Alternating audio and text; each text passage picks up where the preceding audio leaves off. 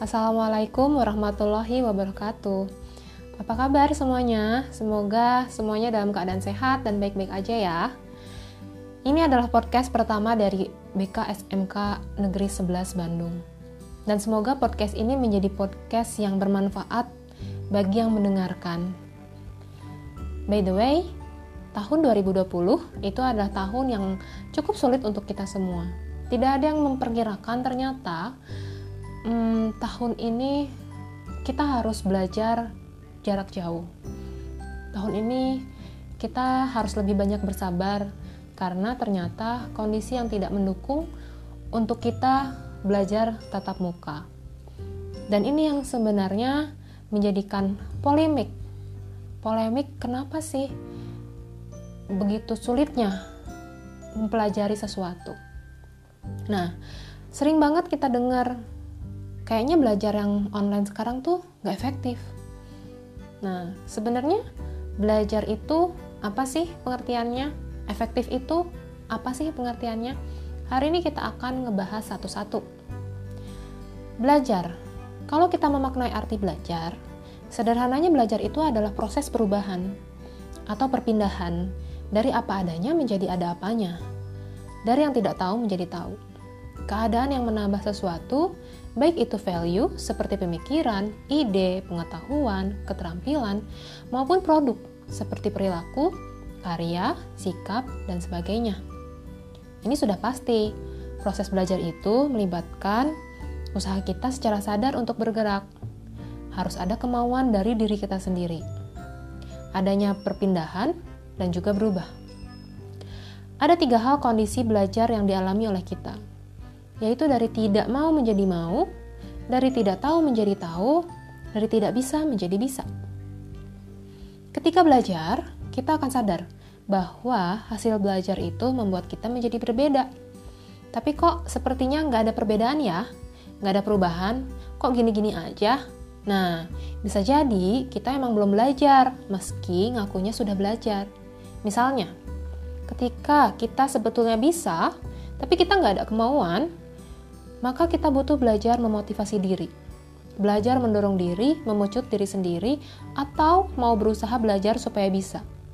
Terus, misalnya kita nggak mau belajar karena kita belum tahu.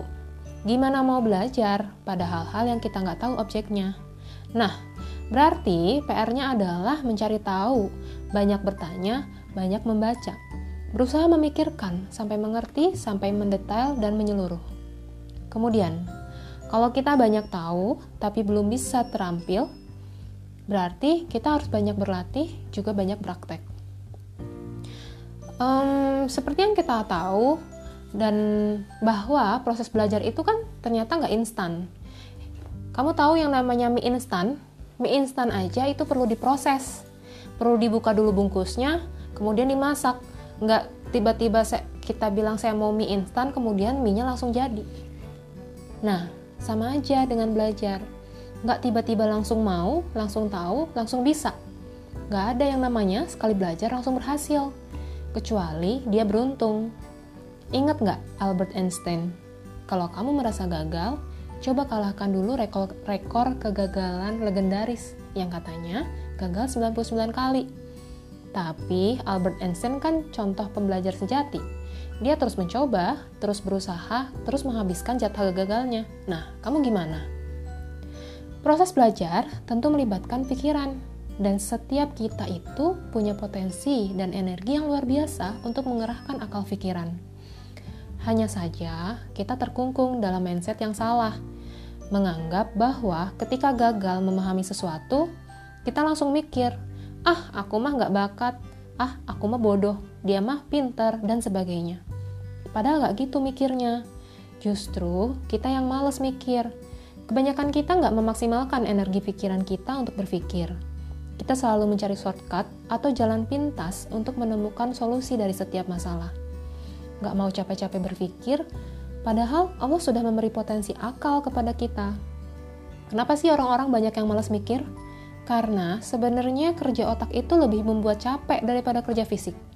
Menguras lebih banyak energi, Makanya banyak yang malas. Kalau aja kita memilih untuk berpikir secara menyeluruh, pelan-pelan, dan dalam, kita akan terbiasa kok. Gak akan capek atau langsung konslet.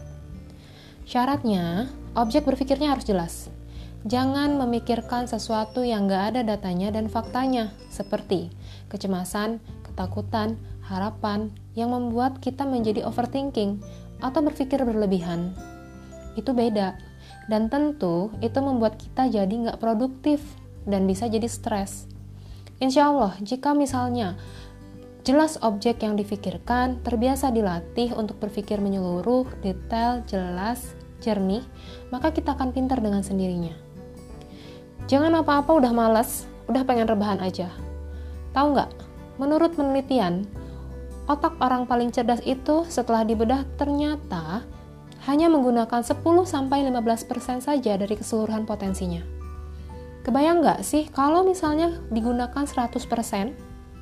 Keren banget otak manusia tuh. Belum lagi banyak penelitian yang ngebahas minat baca dan kemampuan literasi pemuda Indonesia itu rendah Otak kita masih bersih, belum karatan kayaknya. Padahal, itu amanah yang nanti akan dipertanggungjawabkan. Kita malah sibuk menggunakannya dengan hal-hal yang merusak. Misal, ngebaca komik yang tanpa ada batas waktunya, atau membuka IG berjam-jam, atau nonton drakor, atau film-film yang kita sukai, sampai kita lupa hari ini kita mau ngapain Nah, itu kan seperti virus yang melemahkan kemampuan kita. Makanya, masyarakat Indonesia itu mudah diadu domba karena kemampuan literasi yang rendah. Lebih senang mendengarkan gosip daripada fakta riset ilmiah, daripada berpikir dengan jernih dan akal sehat. Lebih menyukai apa katanya, bukan faktanya. Nah, tadi kita sudah nggak bahas nih, panjang lebar, apa itu belajar. Lalu gimana dengan efektif belajar? Yaitu, efektif berarti proses belajar itu ada efeknya sama kita. Kalau kita sudah mengerahkan proses belajar yang rutin, pasti ada efeknya. Yang jadi masalah di sini adalah kita nggak tahu seberapa efektif proses belajar kita selama ini. Maka penting evaluasi belajar. Apa itu evaluasi? Yaitu kegiatan memberi, memberi makna terhadap sesuatu yang sudah kita kerjakan, yang sudah kita pelajari. Coba deh kamu cek, apa pikiran dan perasaan kamu ketika membaca materi? Mendengarkan penjelasan guru dan apakah kamu banyak mempraktikkan sesuatu?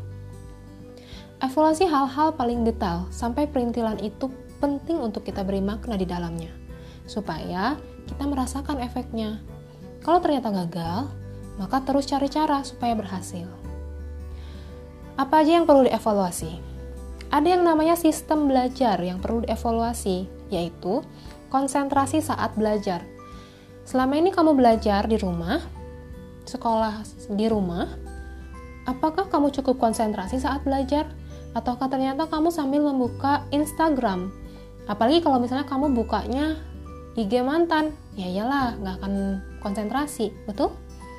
Kemudian, mengatur waktu belajar. Selama belajar di rumah, selama masa pandemi ini, apakah kamu memiliki waktu yang tepat. Apakah kamu memiliki waktu dalam satu hari berapa jam kamu harus belajar? Ataukah tidak? Kemudian, objek pelajaran. Di sini kamu perlu tahu apa yang akan kamu pelajari hari ini. Nanti misalnya, bahasa Indonesia, apa yang harus dipelajari? Apa yang harus dibaca? Bagaimana yang harus saya perdalam? Kemudian, mencari mentor belajar yang kita tahu bahwa di SMK 11 Bandung kita sudah memiliki yang namanya grup WhatsApp kelas. Di situ ada guru-guru dan juga murid.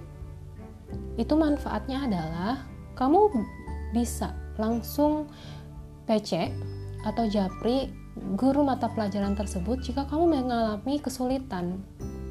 Ya, kalau memang tidak mengerti, ditanyakan jangan kamu nggak paham ya udah deh tidur lagi tentu itu tidak akan efektif kemudian gaya belajar nah ini gaya belajar juga penting kamu harus tahu gaya belajar kamu tuh seperti apa apakah kamu gaya belajarnya harus sepi ataukah harus ada orang, harus ada makanan, atau harus ada musik. Setiap orang memiliki gaya belajar ber berbeda-beda. Nah, ini perlu dicari. Nah, itu semua adalah tool sistem belajar yang harus kita evaluasi. Yang penting adalah usaha dulu, kerjakan dulu apa-apa yang mesti ada dalam proses belajar, supaya kita bisa lihat apakah efektif atau tidak. Ketika gagal, perbaiki, jangan berhenti, jangan rebahan, gitu. Nah, sebelum kamu mengatakan ke orang bahwa belajar di rumah itu tidak efektif, yuk coba deh kamu evaluasi dulu. Apakah kamu sudah melaksanakan tool system yang tadi saya sebutkan tadi? Apakah kamu sudah cukup konsentrasi? Apakah kamu memiliki waktu belajar yang tepat di setiap hari itu? Dan kemudian kamu memiliki objek pelajaran? Apakah kamu mau bertanya kepada guru? Dan sebagainya. Kalau sudah, dan ternyata ada hal-hal yang tidak tepat atau tidak hmm, efektif, coba lagi. Masa pandemi ini menjadi masa yang tidak diinginkan oleh siapa pun. Kita semua ingin segera masuk sekolah. Ini ini menjadi hal yang memaksakan kita mau tidak mau kita harus mengikuti keadaan. Tidak bisa keadaan yang mengikuti kita, tapi kita yang mengikuti keadaan. Nah, apa kita mau mm, menerima nasib? Kalau nggak ngerti ya udah biarin aja. Atau kamu mau mencoba mencari cara gimana saya harus belajar efektif dengan segala keterbatasan yang ada? Teman-teman jika memang masalahnya adalah kuota karena memang kita belajarnya secara online Jangan sungkan untuk mengkomunikasikan dengan guru wali kelas kamu. Kamu bisa ke wali kelas, kamu bisa ke guru BK, atau guru-guru yang memang membuat kamu lebih nyaman untuk bercerita. Tentunya kita akan mencari jalan keluar bersama-sama. Ya, mudah-mudahan sampai sini jelas. Semoga kalian termotivasi untuk belajar di rumah atas segala keterbatasan yang ada demi tercapainya pembelajaran yang efektif. Sampai ketemu di sesi selanjutnya. Assalamualaikum warahmatullahi wabarakatuh.